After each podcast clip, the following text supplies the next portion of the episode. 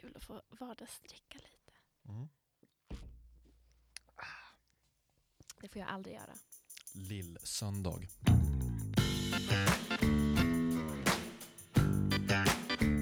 Varmt välkomna till Smarta människor snackar skivor, podden där vi sakta men säkert tar oss igenom min skivback. Och idag så har jag ju en av de absolut smartaste människorna jag känner här, eh, Jasmine Nasem. Varmt välkommen! Tack så mycket. Hur känns det att vara här? Det känns fantastiskt och särskilt efter det där fina introt. Ja, det var så lite så.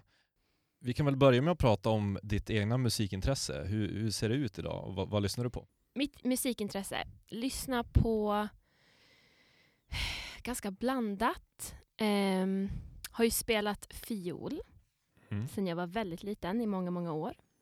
I orkester, så det är väl det instrumentet jag har spelat själv. Men lyssnar på allt från typ indie-rock, indie-pop till mm, hiphop Har du några exempel på artister som går heta just nu? som går heta just nu. Eh, jag lyssnar ju mer på gammal musik, men Hur gammal då? ehm, För säger du så här, inte gammal musik som riktigt gammal musik, utan snarare typ Coldplay-gammal musik. för jag skulle precis säga om, om, om att om du sa typ Ace of Base så skulle jag ju bli Ja, men- förnärmad för att det är ju ungefär samtida med mig. Ja, jag förstår det. Men, men du menar alltså sånt som är 10 10-15 år gammalt? Ja, men typ.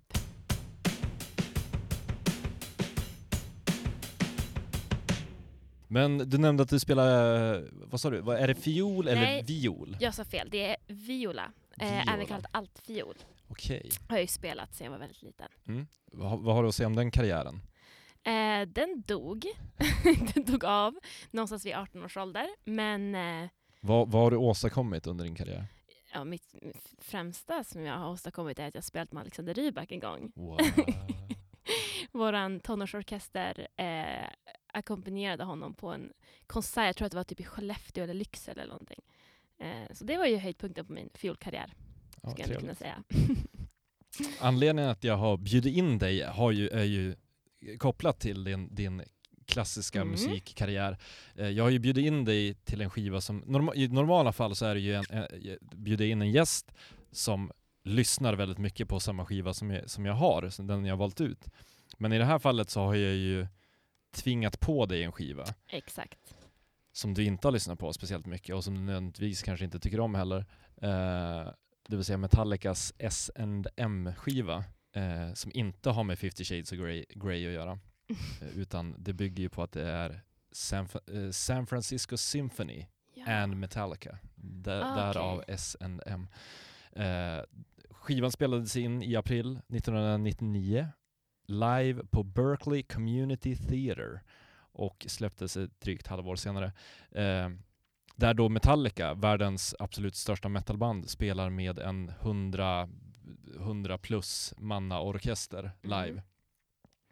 Eh, därav att jag bjöd in dig, för att du är ju den enda personen jag känner som har klassisk musik i ryggmärgen. Eh, ja, och det finns ju egentligen tre, tre anledningar till att prata om den här skivan. Din bakgrund inom klassisk musik, ditt hat mot Metallica som, vi har, som vi har diskuterat på diverse efterfester. Och för att jag tänkte att jag ska liksom övertala dig om att det var fel. Att Mhm. det här det är bra, en bra skiva att introducera någon till Metallica tycker jag. För de har, den spänner över väldigt många... Metallica var på toppen för mig. Alltså, de har ju aldrig varit bättre än här. Och de spelar också låtar från nästan alla skivor under deras karriär. Så man får ju hela, alla färger som är Metallica i den här, i den här skivan. Men, innan du ska få börja prata, nu är det väldigt mycket prat från min sida, men innan du ska få börja prata så tänkte jag att vi, vi börjar där allting började för mig, för dig och för Metallica, det vill säga med Nothing Else Matters. Ja.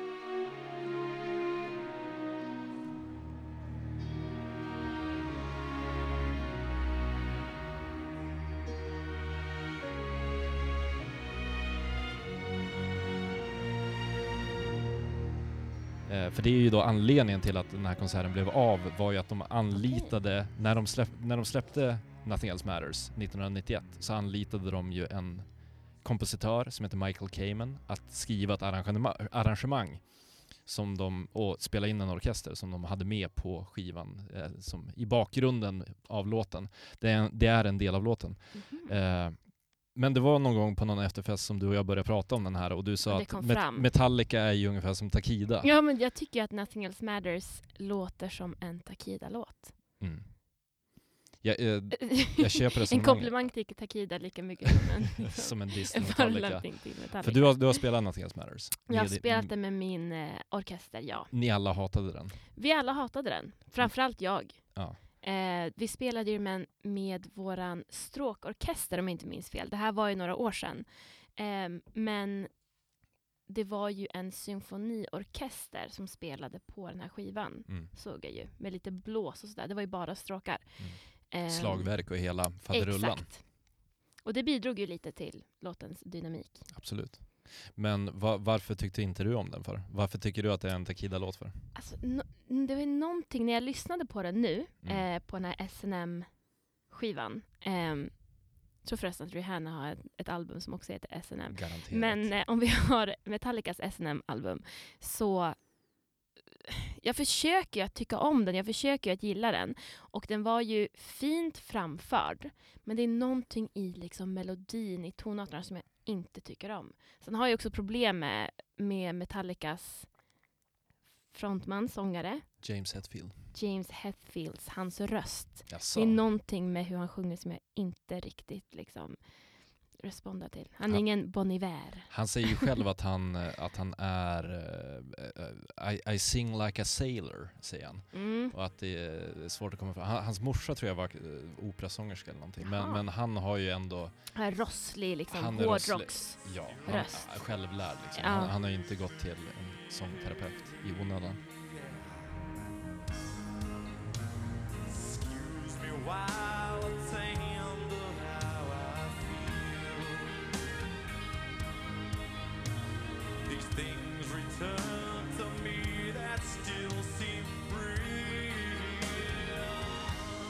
Men du har ju levt med den här skivan i några dagar. Jo. Eh, har din uppfattning om Metallica förändrats? Lite. Eh, eftersom att jag är en person som inte har lyssnat på Metallica någonsin förut. Eh, och min enda uppfattning av dem har varit Nothing Else Matters och att det är ett metalband. Så jag vet inte ens om det är ett metalband. Men det låter ju Metallica liksom. Det Ja. låter ju metal. De, de Eh, är ju världens största metalband. Det är ett metalband. som har sålt 130 miljoner skivor. Precis. typ. Jag har bara inte liksom, stött på Metallica förut. Men det jag liksom ändå kunde uppskatta och det som jag fick lära mig var ju att ehm, det, såhär, särskilt när jag kollade på, eller lyssnade på orkestern, är ju att det låter ju väldigt filmmusiskt. Liksom. Mm. Det låter som filmmusik. Att det är ju mycket mer melodiskt än Vad man kan tro. vad man kan tro. Och det tror jag också har att göra med Michael Kamen eh, som då var kompositör och ja. även dirigent för den här spelningen. Han har ju en bakgrund inom filmmusik och har ju vunnit diverse Grammy, Okej. Grammy Awards. Han har varit nominerad för Oscars men aldrig, aldrig Vad har han vunnit. gjort filmmusik till? Det kan jag inte på rak eh, en, en Robin Hood-film i alla fall Okej, jag. Eh, Lite men, Disney. Eh, kan, mycket möjligt. Men, Det känns fa, att det var lite Disney-inslag. Liksom. ja. Känns, ja. Men jag tycker ju också, alltså såhär, generellt sett, eh, metalmusik också, d- den typen av klassisk musik som jag lyssnar på är ju ofta på något sätt, den låter nästan lite metallisk. Alltså jag Okej. lyssnar ju mycket på eh, romantikkompositörer. Okej. Så det är ju till exempel men, eh, Richard Strauss och Ja. Richard Wagner. De som och kör väldigt mycket ba, alltså såhär, de, Ja. jag tror det var Wagner som tog in någon så här, vad heter det, typ baritonbas, där Mm. det var tvungen att vara två personer för att spela Ja, han den. Alltså den, den var så Sjuk i oversized. huvudet på många sätt. Ja, och Hitler gillar honom också. Hitler gillar honom. Vilket- Vad är det han har typ sina typ två veckors konserter eller någonting. Jag vet inte hur lång tid det tar men att för att kolla hela operan så tar det flera dagar liksom. Mm. Men, men hur, hur som, så att ja, och, och romantiken är ju, låter ju väldigt Jo. så här, cinematisk. Exakt, Eh. exakt. Det är ju inte egentligen min typ av klassiska musik. Mm, Utan jag har ju spelat mycket barockmusik. mm, Eh, och då snackar vi ju eh, Bach mm. exempelvis. Eh, så det är ju den typen av klassisk musik som jag egentligen dras till och tycker om som mest. Men sen har vi spelat mycket, liksom, vi snackar om det, filmmusik med Mm. min orkester. Pirates of the Caribbean. Exakt, våran favorit. Hans Zimmer. Ehm, Och det var det jag tänkte mycket på när jag kollade på den här ehm, ja, men, filminspelningen från SNM-konserten. Det var ju att det var lite trist att det var just Nothing Else Matters som vi fick spela med orkestern. För jag hade uppskattat att spela typ den här, eh, vad heter den? Battery. Mm. Den gillade Sista jag. låten. Ja, den var härlig. Jag gav dig ju också fem låtar ungefär som jag tyckte att du skulle ge lite extra uppmärksamhet. Ja. Låtar som jag tycker, eh, som jag sa tidigare så är ju den här skivan ett bra, de har gjort ett bra axplock av Metallicas karriär.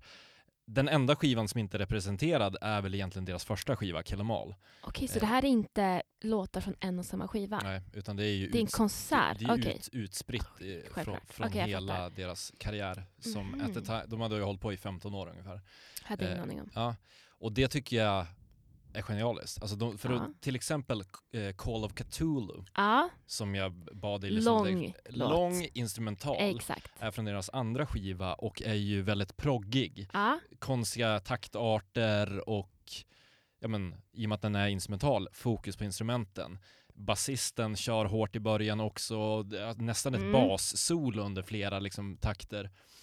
Eh, och den tycker jag gör sig jättebra med Live. orkestern och att de, de kompletterar, eh, ger en extra dimension liksom. oh ja. Och det är ju också någonting extra när man får höra liksom en symfoniorkester spela tillsammans med ett metalband. Det blir ju nice tillsammans med liksom elgitarrerna och de mjuka stråkarna på något vis. Absolut. Slagverken, liksom blås, blås, blåssektionerna tillsammans med typ metaltrummor. Mm. Det tyck, den gillade jag faktiskt. Ja, och som sagt, den är ju lite mer kaotisk. Ja. konstiga taktarter, högt tempo. Inte, inte en klassisk eh, vers-refräng, vers-refräng-låt, Nej. utan va- varje ny sektion. Ingen är- nothing else matters. Nej, exakt. Nej. Eh, men sen finns det ju även eh, tätt inpå att de släppte, eller att de spelade den här konserten, så släppte de ju skivorna Load och Reload. Som är av fans ganska bespottade ofta. Men för min del så tycker jag att det, de, de är ju jättebra.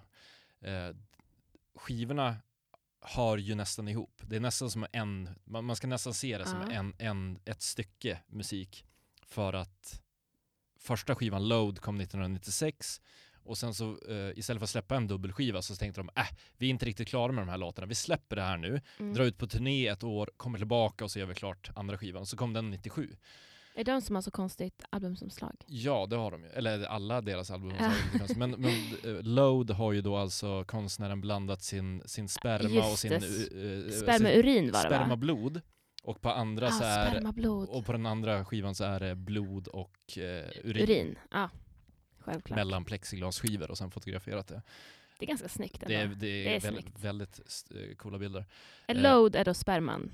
Det, Skulle jag kommer, på. jag, jag tror det, men jag det kommer... känns logiskt. Tog ett tag innan polletten trillade ner. Men det jag skulle säga i alla fall att de låtarna är lite enklare, eh, lite rockigare. mm. Eh, och de gör sig också jättebra med orkestern, för då låter man orkestern de, de här låtarna som annars kanske är nästan lite bleka, som är ganska enkla, då kommer orkestern in och lyfter dem. Ja. Till exempel Outloud Torn, som jag också Outlaw tipsar Torn. om. Ja. Som, ja men som sagt, det är en ganska, på skivan är den inte så spännande. Nej. Den är ganska straightforward rocklåt som inte händer jätte, jättemycket. Men när orkestern kommer in så är det, det är bland det bästa jag har hört. Ja, jag minns inte riktigt hur den låter. Men jag vet att det var många som lät väldigt... ehm, om man ska snacka filmmusik så tycker jag det lät som skräckfilmsmusik. I sär- särskilt till liksom orkestern spelade. Det mycket, mycket gälla liksom stråkljud och mycket... Djupa Ah. basar också. Ja. ja men det var... Ja men nästan lite skräckfilmskänsla. Över många av låtarna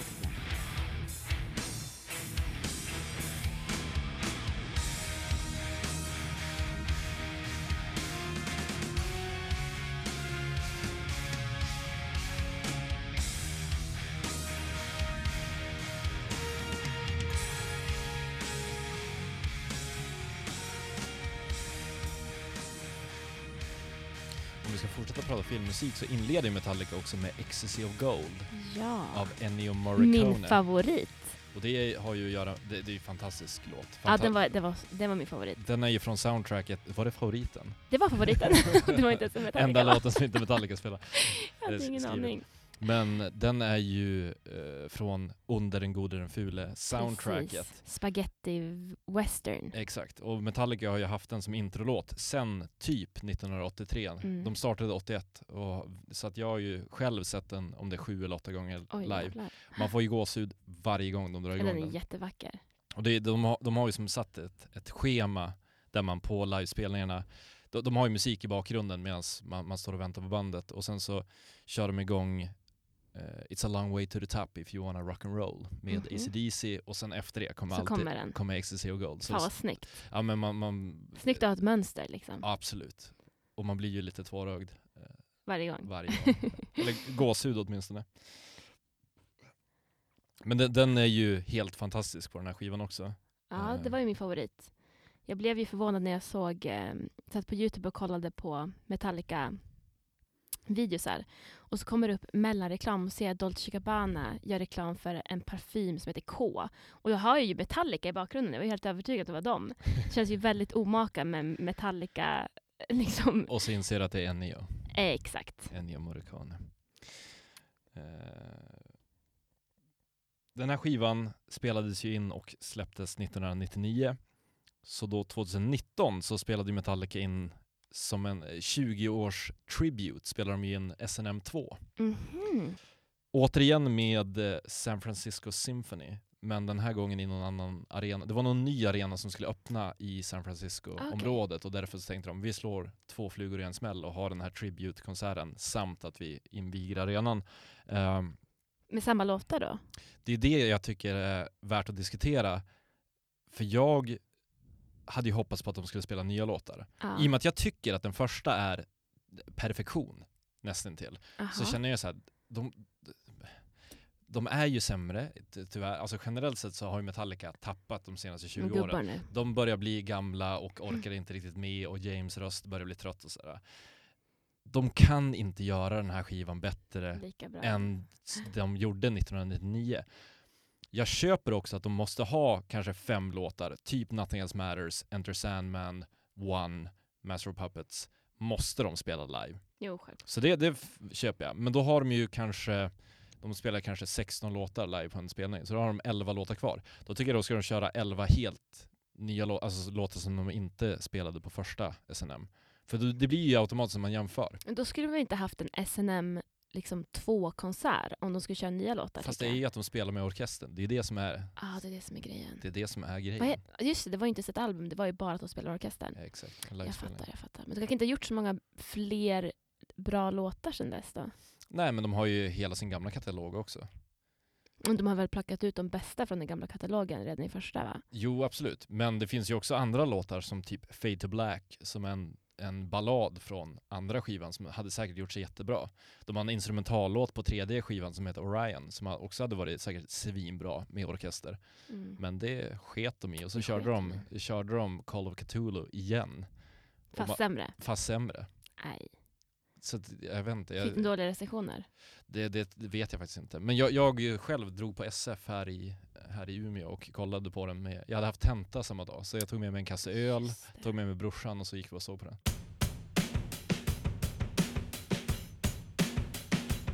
Jag tänkte snabbt adressera Michael Kamen, eh, dirigent och Ja. kompositör. Han har skrivit, skrivit alla orkesterstyckena eh, och i mina ögon och öron ett, ett geni. Eh, det här är ju också en grej som vi har diskuterat på fyllan, är ju att han eh, under förproduktionen till skivan, när de höll på att öva och grejer, så ska ju då bara orkestern spela upp en låt för Metallica. Eh, de ska spela upp Call of Cthulhu. Eh, och Metallica får sätta sig i publiken. Michael räknar in 1, 2, 3, de börjar spela och efter 30 sekunder så avbryter han och säger Halloj, vi har två uppsättningar noter. Den ena är en halvton lägre. Det är en av er hundra som spelar från de gamla noterna. Och ja. vi började prata om det här någon gång på någon efterfest och jag sa att det är ju helt sjukt och du sa äh, det där kan nästan vilken dirigent som helst göra. Men typ, och jag tänker särskilt nu, nu visste jag inte när vi pratade om det här att det var han som hade skrivit också de Mm. här låtarna. Då tänker jag att det är ännu mer självklart. Han vet exakt hur det ska låta. Ja, absolut. Men jag tänker också Men det att är det ju är... Jag tänker ett också att, riktigt tränat öra. Det är Absolut. som... men jag tänker fortfarande så här, jag vet inte, om dirigentskolan, är det dag ett? Det är, alltså, jag förstår ju att han inte är ensam i världen om att kunna det här. Nej. Men jag tänker så här, min tanke var ju att försöka få tag Jag ville ju försöka få tag i någon som eh, typ jobbar på Norrlandsoperan Ja.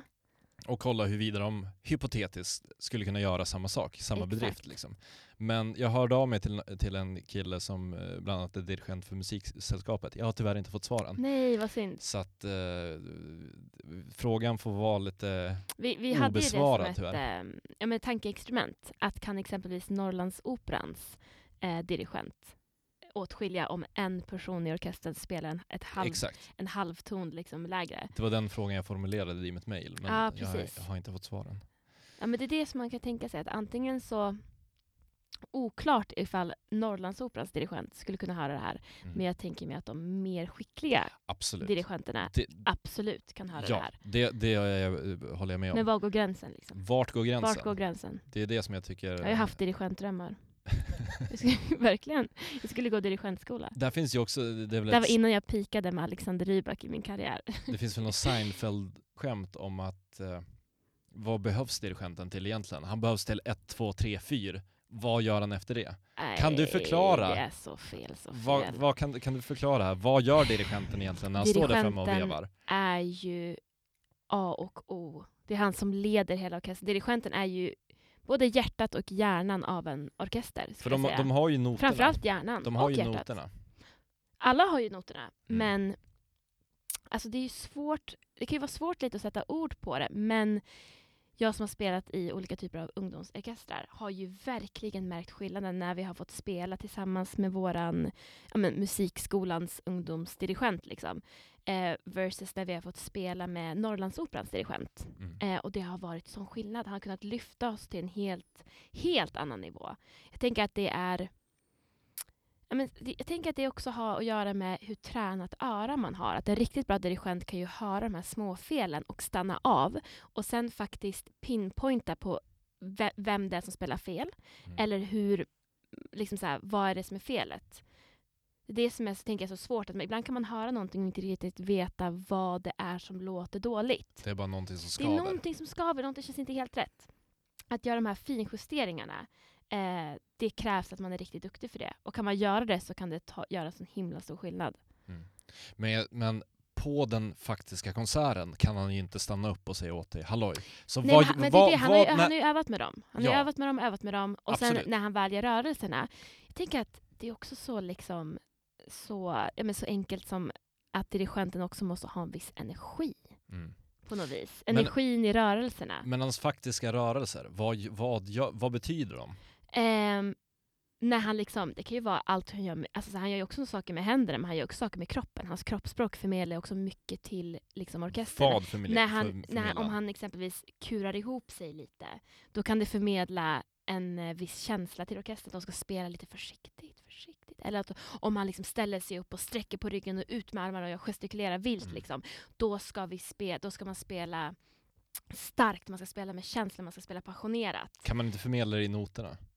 Nej, det kan man inte. Till en viss del. Det är klart man kan skriva liksom, ja men, ehm, vad är det, crescendo, diminuendo som kan visa att man ska spela liksom högre, högre, högre, lägre, lägre, Mm. lägre eller piano ska man spela tyst. Det är klart att det kan stå en viss del i noterna men noter är också bara Alltså det, är, det är bara noter, det är bara någonting som står på ett papper. Att musik har ju så mycket känsla i sig också. Att det kan krävas att en person också förmedlar den här känslan och drar igång känslan i hela orkestern. För alla ska ju spela tillsammans.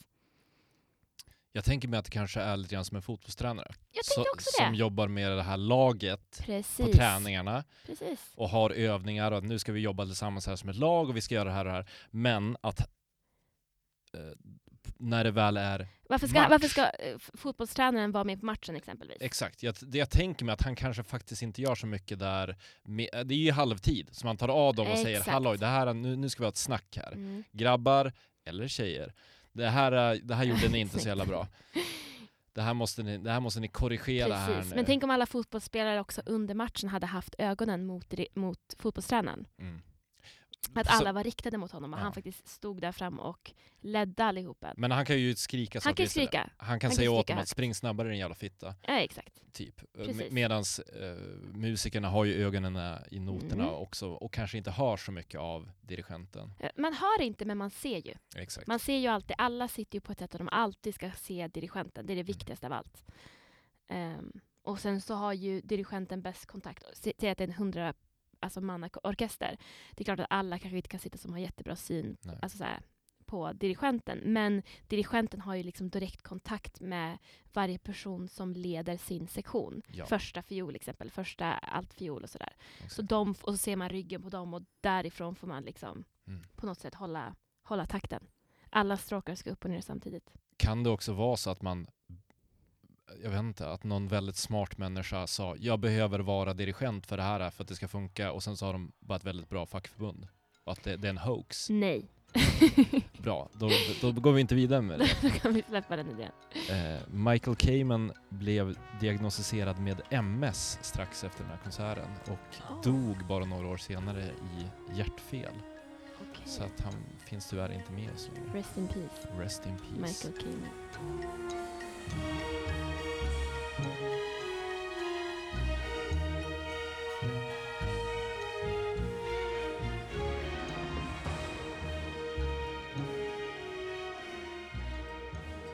Vad, vad, vad tycker du om den här skivan? Har det här öppnat upp dina ögon för Metallica eller har du mer kräks i munnen än tidigare? Framförallt så har det öppnat upp mina ögon för San Franciscos symfoniorkester. Okej. Men lite för Metallica också. Jag kollade upp här inför den här inspelningen att de har, det är en väldigt anrik orkester Ja, ja, som ja. har hållit på sedan 1911. Mm.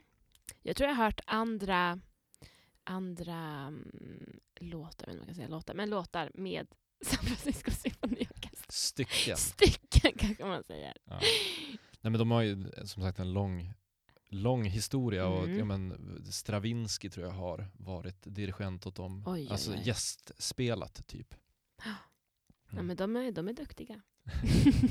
Har, om du inte får säga Ecstasy of Gold, som inte är en Metallica-låt, vilken skulle du säga är favoritlåten på den här skivan då?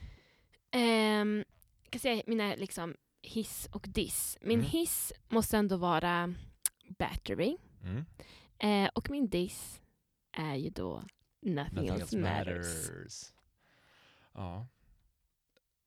Eh, Oväntat med Battery. Det är, det? det? Ja men det tycker jag. Det var- Alltså den är ju lite bortglömd. Det är väl, det är väl en, en eh, publikfavorit. Mhm. Eh, men den spelas inte så ofta live och den är ju Snabba trummor. den är snabb, alltså egentligen på pappret så är den ju inte så lämpad för orkestern. Nej. I och med att den är så pass, pass hetsig liksom. Men det var det jag tänkte när jag, när jag eh, lyssnade på den och såg den på DVDn. Var att den hade varit riktigt kul att spela med en orkester. Mm. Just eftersom det var de här snabba trummorna, liksom, höga tempot. Mm.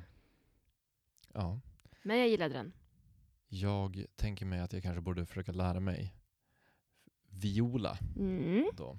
det borde du göra. Jag har ju, test, jag har ju testat någon gång när du har haft med dig den. Ja, visst har du det va? ja, det gick sådär. Ja, men det är övning, övning, övning.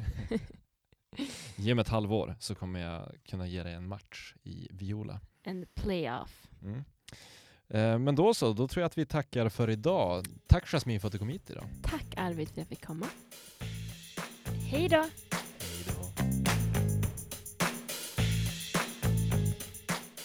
Smarta människor snackar skivor är en podd som spelas in, produceras och ges ut av mig, Arvid Wixell. Jingelmusiken är skriven och inspelad av mig med hjälp av producent Magnus Hägglund. Tack för att ni har lyssnat. Och följ oss gärna på Instagram där vi heter SMSS Podcast.